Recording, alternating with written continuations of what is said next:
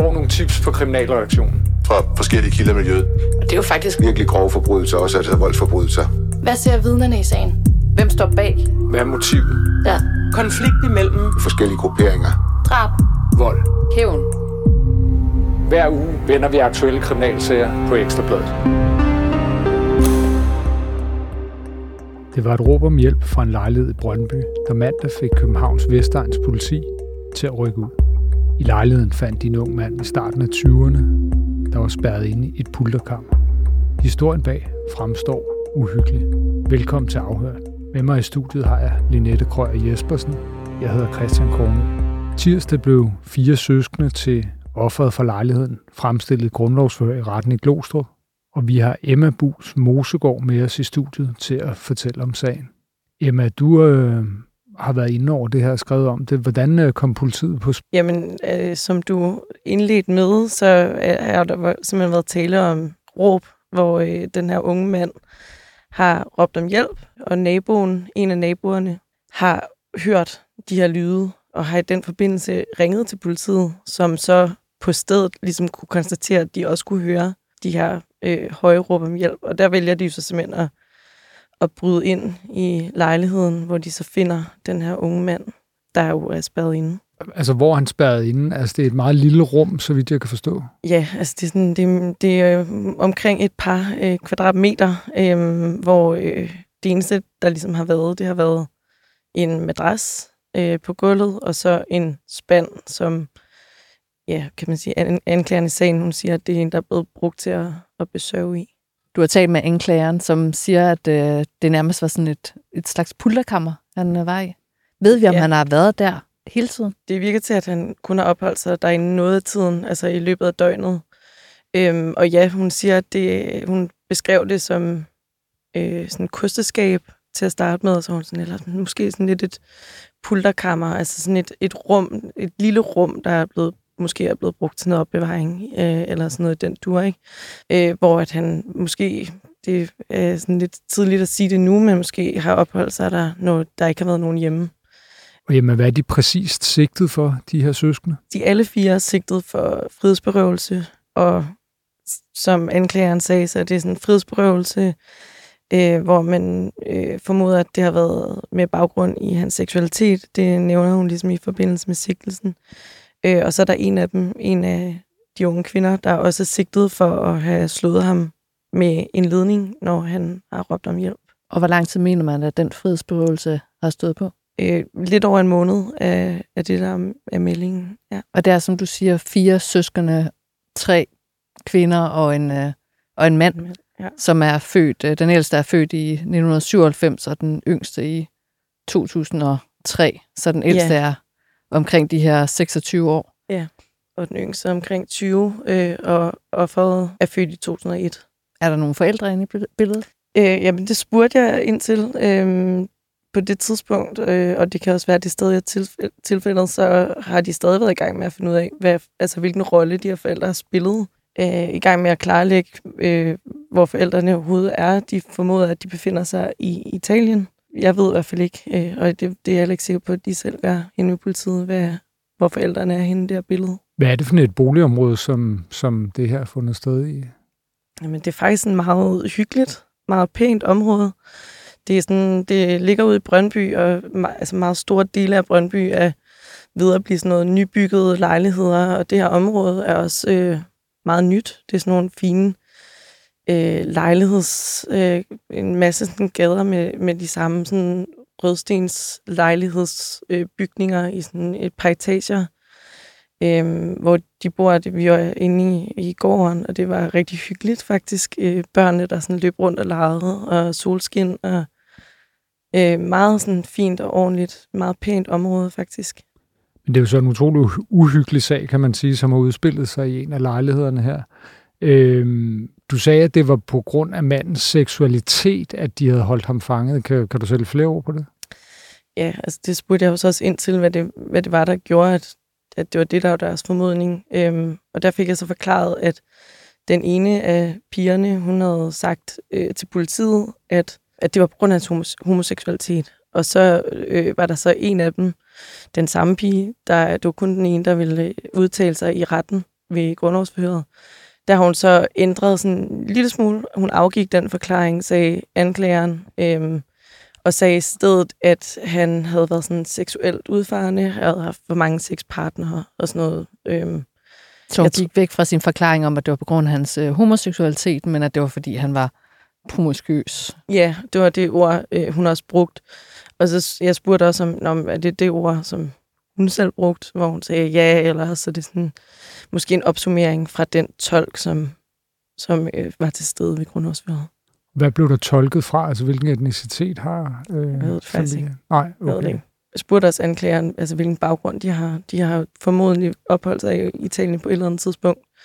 Men øh, det var de heller ikke helt klar over endnu, øh, på det tidspunkt, jeg talte med dem. Og ved du, hvordan de forholder sig til sikkelsen?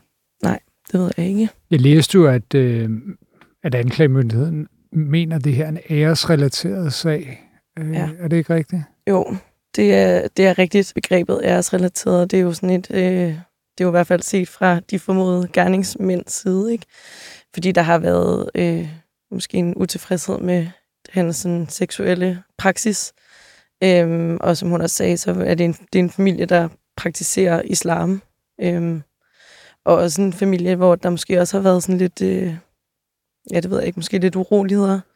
Jeg har været ude og tale med en, der bor lige i nærheden, som siger, at der har været masser af øh, råben inden fra lejligheden, og faktisk også har set en sådan lidt, øh, en, en ung mand i sådan lidt dårlig forfatning, som hun sagde, som har været, har været til stede der. Det virker som om, der har været lidt ballade derinde. Jeg har jo tidligere lavet en dokumentar omkring øh, nogle af de her æresrelaterede forbrydelser. Der har man jo det her, der hedder Red Safe House, øh, også ude på Vestegnen, som er sådan et safe house for øh, altså primært etniske unge, som øh, flygter fra de her æresrelaterede øh, ja, forfølgelser, som de er udsat for.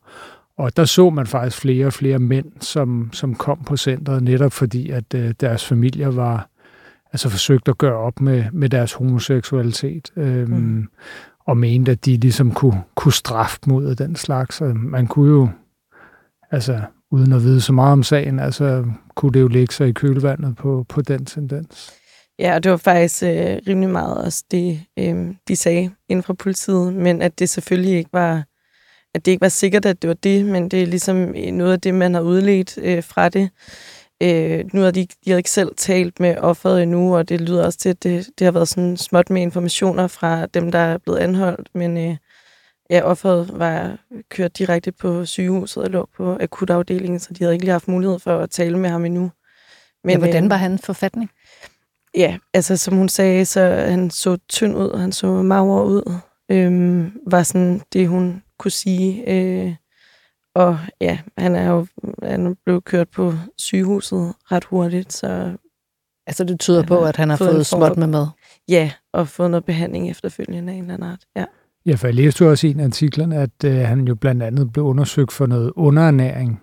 Ja. Det kunne godt tyde på, at øh, ja, han havde været holdt indespørget gennem noget tid.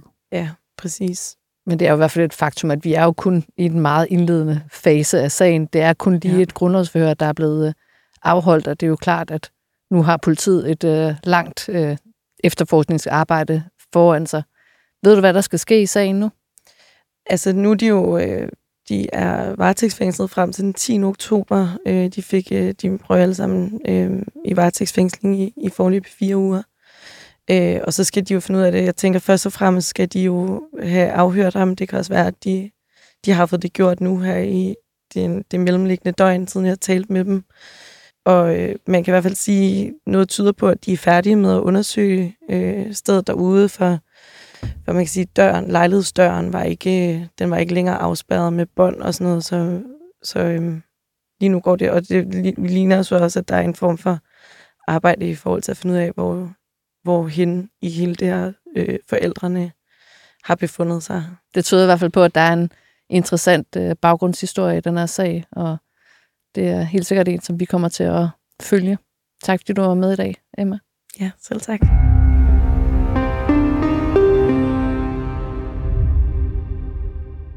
Michael Sengebjerg Bodelsen var forsvundet sporløst i tre uger, før hans lig blev fundet gravet ned i en kolonihave med uhyggelige skader. Mandag i den uge startede retssagen mod to mænd, der er tiltalt for drab og usømmelig omgang med lig. Og på pressepladserne sad Jens Hansen Havskov. Normalt, øh, Jens, så er du med på en telefon, fordi at du farter rundt i landet. I tv-sprog, så er du vel det, som øh, man kan kalde øh, Fyn og Jyllands korrespondent. Ja, det kan vi godt kalde det her i hvert fald. Men øh, nu er du i hvert fald her på redaktionen i København og med i studiet. Og som sagt, du sad på pressepladserne til, øh, til sagen. Men før du øh, kommer sådan helt ned i detaljen, kan du så skitsere, hvad det er, de to mænd de er tiltalt for? De er begge to tiltalt for i forening at have dræbt øh, Michael Bodilsen og have dræbt ham, og så er de begge to også øh, tiltalt for usømmelig omgang med lig. De nægter sig begge skyldige i den alvorligste anklage, nemlig øh, manddrab. Og hvor er det sket hen øh, geografisk? Det er sket i Kolding i den ejendom, hvor begge de tiltalte bor. Øh, den ene på anden sal, og den anden i stueetagen. Men det er der, det er sket. Efterfølgende har de så øh, gjort det her øh, det usømmelige omgang med lige. Det er et andet sted. Det er i Vonsil, syd for Kolding, hvor lige blev gravet ned. Og der er tale om en 33-årig mand og en 41-årig mand. Ja, det er der. Og hvordan forholder de sig til tiltalen? Begge to øh, nægter sig skyldige i, i øh, manddrab, mens den 41-årige erkender, at han har begået øh, usømmelig omgang med lige, som det hedder, ved at være, have bistået med at, at skaffe livet af vejen. Hvad ved vi om Michaels sidste tid? Vi ved, at han selv har lagt et billede op på Facebook. Altså drabet sker øh, 2. maj eller 3. maj om natten imellem øh, til, til den 3. maj. Men vi ved, at han dagen for inden, altså 1. maj, øh, selv lægger et billede op på øh, sin øh, Facebook-profil, og i øvrigt sender han også det billede til nogle af sine venner på, via Messenger. Øh, og det her billede, det viser ham, hvor han er virkelig fået øh, tæv, altså hvor hans ene øje er øh, helt blåt, og han er, han, er, han er meget skadet, og han har formentlig også øh, brækket næsen. Ja, du har jo faktisk billedet foran dig. Ja. Prøv at beskrive, hvordan han ser ud. Hans ene øje, hans højre øje, det er fuldstændig lukket til, og det er helt øh, sort og blåt, og han har slået panden op over, og hans næse er øh, tydeligvis brækket. Øh, og så har han en lettere skade på i sit venstre øje også, og hans kind er også øh, begyndende øh, blålig. Og det, han skriver på det her, sammen med det her billede, det er, at han er blevet overfaldet. Og lige præcis det overfald, det går jo så igen i tiltalen mod de to mænd. Hvad er det, hvis vi nu skal gå ned i detaljen, hvad er det, at øh, de er tiltalt for? Selve overfaldet, det er faktisk kun den ene af dem. Det er den øh, 33-årige mand, som øh, alene er tiltalt for det. Og, og det er, som jeg lige har beskrevet, det er de skader, som der sker. Det, der så kommer frem i det første retsmøde omkring øh, voldsepisoden, som øh, selvom det er groft nok, så er det jo, øh, står jo slet ikke mål med, med manddrab, som, som de begge er tiltalt for. Men, men, men den del, øh, ifølge den enes forklaring, den 41-årige mand, han afgav forklaringen i det første retsmøde. Og han fortæller, øh, Øh, Michael Bodilsen har til synligheden lavet en skade eller flere på øh, den 33-årige mands bil, som han har lånt eller lejet. Og øh, der bliver altså en øh, kur på tråden mellem de to der. Det kommer ikke frem i første retsmøde, om det simpelthen er motivet til, at det går helt amok øh, senere. Men, men det er i hvert fald noget, der er imellem dem, at han, der er en skade på bilen, og han er rasende på ham. Hvad siger den 33-årige selv om det her? Ja, det er jo lidt specielt, fordi de er jo begge to tiltalt for meget den alvorligste del, man kan være tiltalt for, nemlig manddrab. Men han, hans øh, forsvar øh, indledte faktisk retsmødet med at sige, at han slet ikke ønskede at afgive forklaring. Og det på trods af, at han faktisk øh, jo er, er tiltalt for øh, straffelovens 237, som det hedder. Øh, og det gør jo, at øh, det kun er den ene, der kommer til at afgive forklaring, medmindre han ændrer øh, holdning her undervejs. Men øh, den 41-årige afgav så forklaring, og øh, han beskylder direkte den anden for at have gjort alle de her ting, og siger, at han har ikke noget med selve drabet at gøre. Han har heller ikke noget med volden at gøre i øvrigt, og det er han heller ikke tiltalt for. Men han siger, at han har, de går ned i den andens lejlighed. Da han så senere kommer der ned der på, øh, om natten til den 3. maj, der er øh, Michael altså død. Han hænger med i en ledning, øh, som er bundet omkring øh, ryglænet på en stol. Og han sidder ligesom helt øh, øh livløs, og er stadigvæk spændt fast i den her ledning omkring hans hals. Det, det er jo så op til nævninger og dommeren, om de vil tro det eller ej, den her forklaring. Men han siger, at på et tidspunkt, så skærer han den her ledning over med en kniv. Det gør den 33-årige. Og han er tydeligvis død der, siger han. Og så sparker han ligesom til ham. Altså han ryger ned på gulvet. Og så siger han, øh, han jeg tror sgu, han er død, siger han så. Og han, han siger, jeg stivner fuldstændig, jeg fryser. Jeg står helt stille og fuldstændig i chok. Så han har intet med drabet at gøre, siger han. Eftersom vi ikke kommer til at høre den andens forklaring, så, øh, og, og det er jo lidt specielt, at han ikke ønsker at afgive forklaring, når han nu bliver øh, sådan populært sagt øh, helt lidt under bussen af den anden, men, men det ved vi ikke hvorfor. Men det er altså sådan, det er indtil videre. Så bare for at slå det fast, det indledende overfald, det skete ifølge anklageskriftet den 1. maj 2022, og drabet skete så ifølge anklagemyndigheden i tidsrummet omkring den 2. maj om aftenen. Ja, og ind i den 3. maj. For, for, ifølge hans forklaring, så sker det efter midnat, men, men, men ja, det er på det tidspunkt. Og hvad forklarer den 41 øh, videre om, hvordan han oplever det her jo altså meget voldsomme, som han fortæller om i lejligheden? Han fortæller jo om noget, der er gået forud den her aften. Nemlig, at øh, eftersom de her to mænd, han er kammerat med dem begge to. Han hader, når, når folk er uvenner, og han hader, når hans nærmeste venner og bekendte, de er uvenner. Og derfor så sidder han og taler med den 33-årige op i sin egen lejlighed, en anden sals lejlighed i, i den her ejendom. Og øh, ham, den 33 han vil gerne have fat i, øh, øh, i øh, Michael her, på grund af det her med bilen formentlig. Øh, og det kan han ikke. Han er ligesom blokeret. Så øh, via den 41-årige, han siger, jamen, øh, jeg har jo ikke noget problem med ham, så jeg lokker ham op i lejligheden, så må vi jo snakke stille og roligt om det alle sammen. Og det gør han så. Øh, og han indvilder i at komme, og det er helt bevidst, han ikke fortæller, at den anden, altså den 33, også er i lejligheden. Fordi så siger han, så vil han slet ikke øh, komme til stede, fordi han er bange for ham. Så mens Michael er på vej op øh, til lejligheden, så gemmer den 33-årige tiltalte sig ude i øh, den her, ham, den 41-årige, som har lejligheden, i hans badeværelse. Michael kommer ind, og de sidder og snakker et stykke tid, 10 minutter et kvarter, hvorefter den 33-årige så kommer frem. Og så siger Michael, hold da kæft, det er der, jeg tror, det er ham, der overfaldt mig i går. Uh, og det var lige den situation, som han ikke ønskede, uh, den 41-årige, som ligesom har bragt det her møde i stand. Men, uh, men det bliver der altså, og der bliver åbenbart uh, ro på imellem dem der, i hvert fald i første omgang. Eftersom de øh, alle sammen er en del af, af misbrugsmiljøet, så øh, indvilger øh, Michael i at komme ud til sin pusher, som han kender, og øh, hente kokain øh, den her aften. Og det gør han, så han forlader lejligheden, kommer tilbage igen med det, som han er sendt øh, afsted efter. Og så siger den 41-årige, ham som har den her lejlighed, hvor de alle sammen er øh, i på det tidspunkt, han siger, han hader nåle, han, kan, han har noget med nåle, fordi øh, han siger, at øh, Michael, han øh, fikser det. Han øh, tager det intravenøst, øh, når han skal have stoffer. Derfor siger han, går han ned på stue, i stueetagen, hvor den 33 har sin lejlighed. Og det er så grunden til, at han siger, at jeg har ikke noget med drabet at gøre, jeg var der ikke. Så det er i det tidsrum, for han går derned, og så til, altså den, øh, øh Michael går ned øh, i den 33-årige lejlighed, og de gør et eller andet dernede, der sker et eller andet, ifølge hans forklaring. Senere kommer øh, den 41-årige så der ned i stueetagen, og der er det så, han ser det her, nemlig at Michael sidder og er kvalt med en ledning omkring halsen. Så det har været et dramatisk forløb. Ja, hvad beskriver han omkring, hvordan det er at se det? Han siger, at han øh, fryser fuldstændig. Altså han stivner, han får øh, et chok, og han ved simpelthen ikke, hvordan han skal forholde sig til det. Han bliver også spurgt, om, om han undersøgte nærmere, hvad det var, men det sagde han, det kunne han ikke. Han, han øh, var fuldstændig låst i den her situation. Så han øh, vil væk derfra, og han, han bliver så også bedt om at gå ud af lejligheden af den 33, ham som har stuelejligheden. Og så siger han, i det øjeblik, han ligesom går derfra, så kan han se, at han kommer frem med en machete, hvor han så har den fra.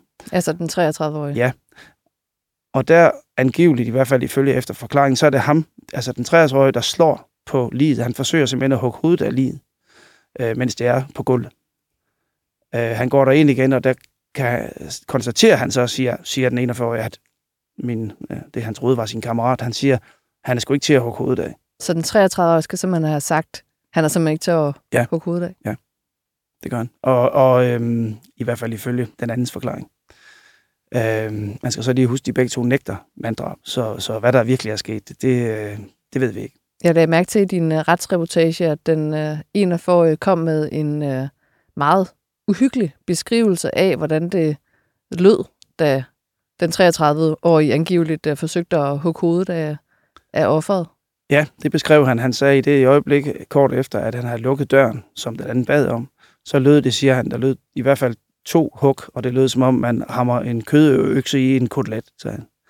Og øh, det gjorde også et øh, stort indtryk på ham, altså på den negative måde. Og hvad beskriver han så, at der skete efterfølgende? Ja, så siger han, at han går op i sin egen lejlighed. Men inden han går, der begynder øh, den 33-årige, siger han, at rulle Michaels lig ind i et tæppe, som er på, på gulvet. Øh, motivet for at forsøge at hugge hans hoved af, det ved vi ikke, men øh, han, han bliver så spurgt i retten, den 41-årige, som altså lader sig afhøre, øh, øh, hvad det er, hvad er meningen med alt det her. Og så siger han, at han ville sende ham til Storskrald. Så den 33-årige vil smide Michael Bodilsen til Storskrald. Det var det, han havde sagt til sin øh, medtiltalte her, ja. Og nu siger du at den 33-årige, han ikke vil afgive forklaring.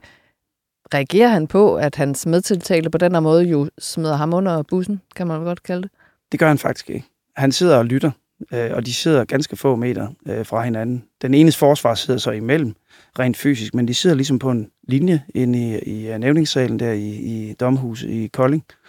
Og øh, de har ikke øjenkontakt, men øh, han reagerer ikke på den, eller, eller har kraftige udbrud, eller ryster på hovedet, eller sådan noget, som man nogle gange har set. Øh, så, så ja, altså, i overført betydning smider han ham under bussen, og alligevel har han til synligheden ikke tænkt sig at afgive forklaring. Og hvad sker der så herefter? Så går der øh, cirka halvandet døgn, øh, hvor øh, livet jo må, er opbevaret formentlig i, i en bil, øh, eventuelt i den 33-årige mands lejlighed, men formentlig i en bil. Og øh, der øh, bliver de så også øh, begge mænd i, i fællesskab, og det er så også noget, det han har erkendt, øh, den, den 41-årige. Det er faktisk det eneste, han erkender i øh, de ting, han er tiltalt for, nemlig øh, usømmelig omgang med lig, den del, hvor de fjerner livet. Og, og det, de gør, det er, at de kører ud til en øh, kolonihaveforening, øh, Springbjerg, øh, som ligger øh, ved Vonsil syd for Kolding. Og årsagen til, at de kører lige præcis derhen, forklarede han selv. Øh, øh, og det er, at den anden, den 33-årige tiltalte, han havde set, eller var klar over, at der var to kolonihavehus, der er til salg øh, i den her periode. Så det vil sige, så tænker han, okay, der er nok ikke nogen mennesker derude. Og eftersom det er en hverdag, de er ude, fordi de ender med, at livet bliver gravet ned, øh, der er jo ikke rigtig nogen i en kolonihaveforening, øh, øh, og, og det var der så heller ikke. Det eneste, der, der så er der, da de så kører derud, og de kører derud meget tidligere om morgenen den 4. Øh, maj, øh, og den 41-årige, han sidder øh, og holder vagt i tusmørket, som han siger. Han sidder inde i den her varevogn, de er kommet i, med, med livet, mens den anden, han med en håndskovl, øh, øh, graver et øh, stort hul og skaffer øh, øh, Michael Bodilsen af vejen. Og så sår de i øvrigt, de stamper det, og så sår de i øvrigt nyt græs ovenpå. Så der er faktisk ikke nogen, der opdager det her.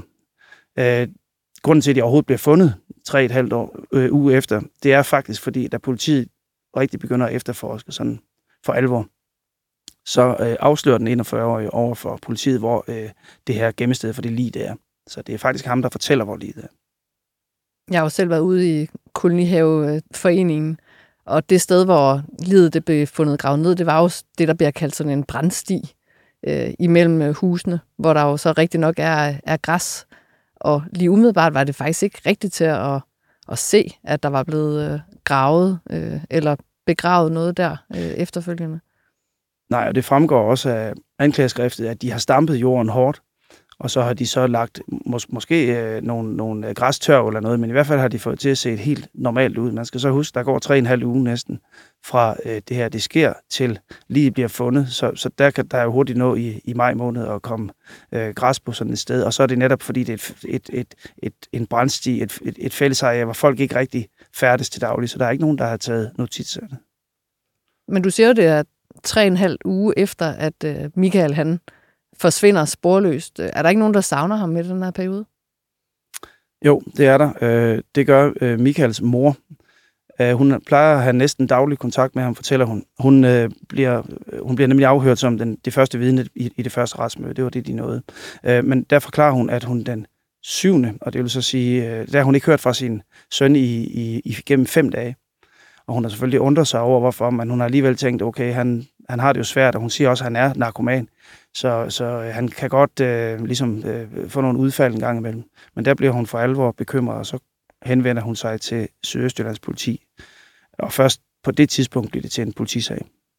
Og ved man, hvordan de retter søgelyset mod de her to mænd? Er det kommet frem?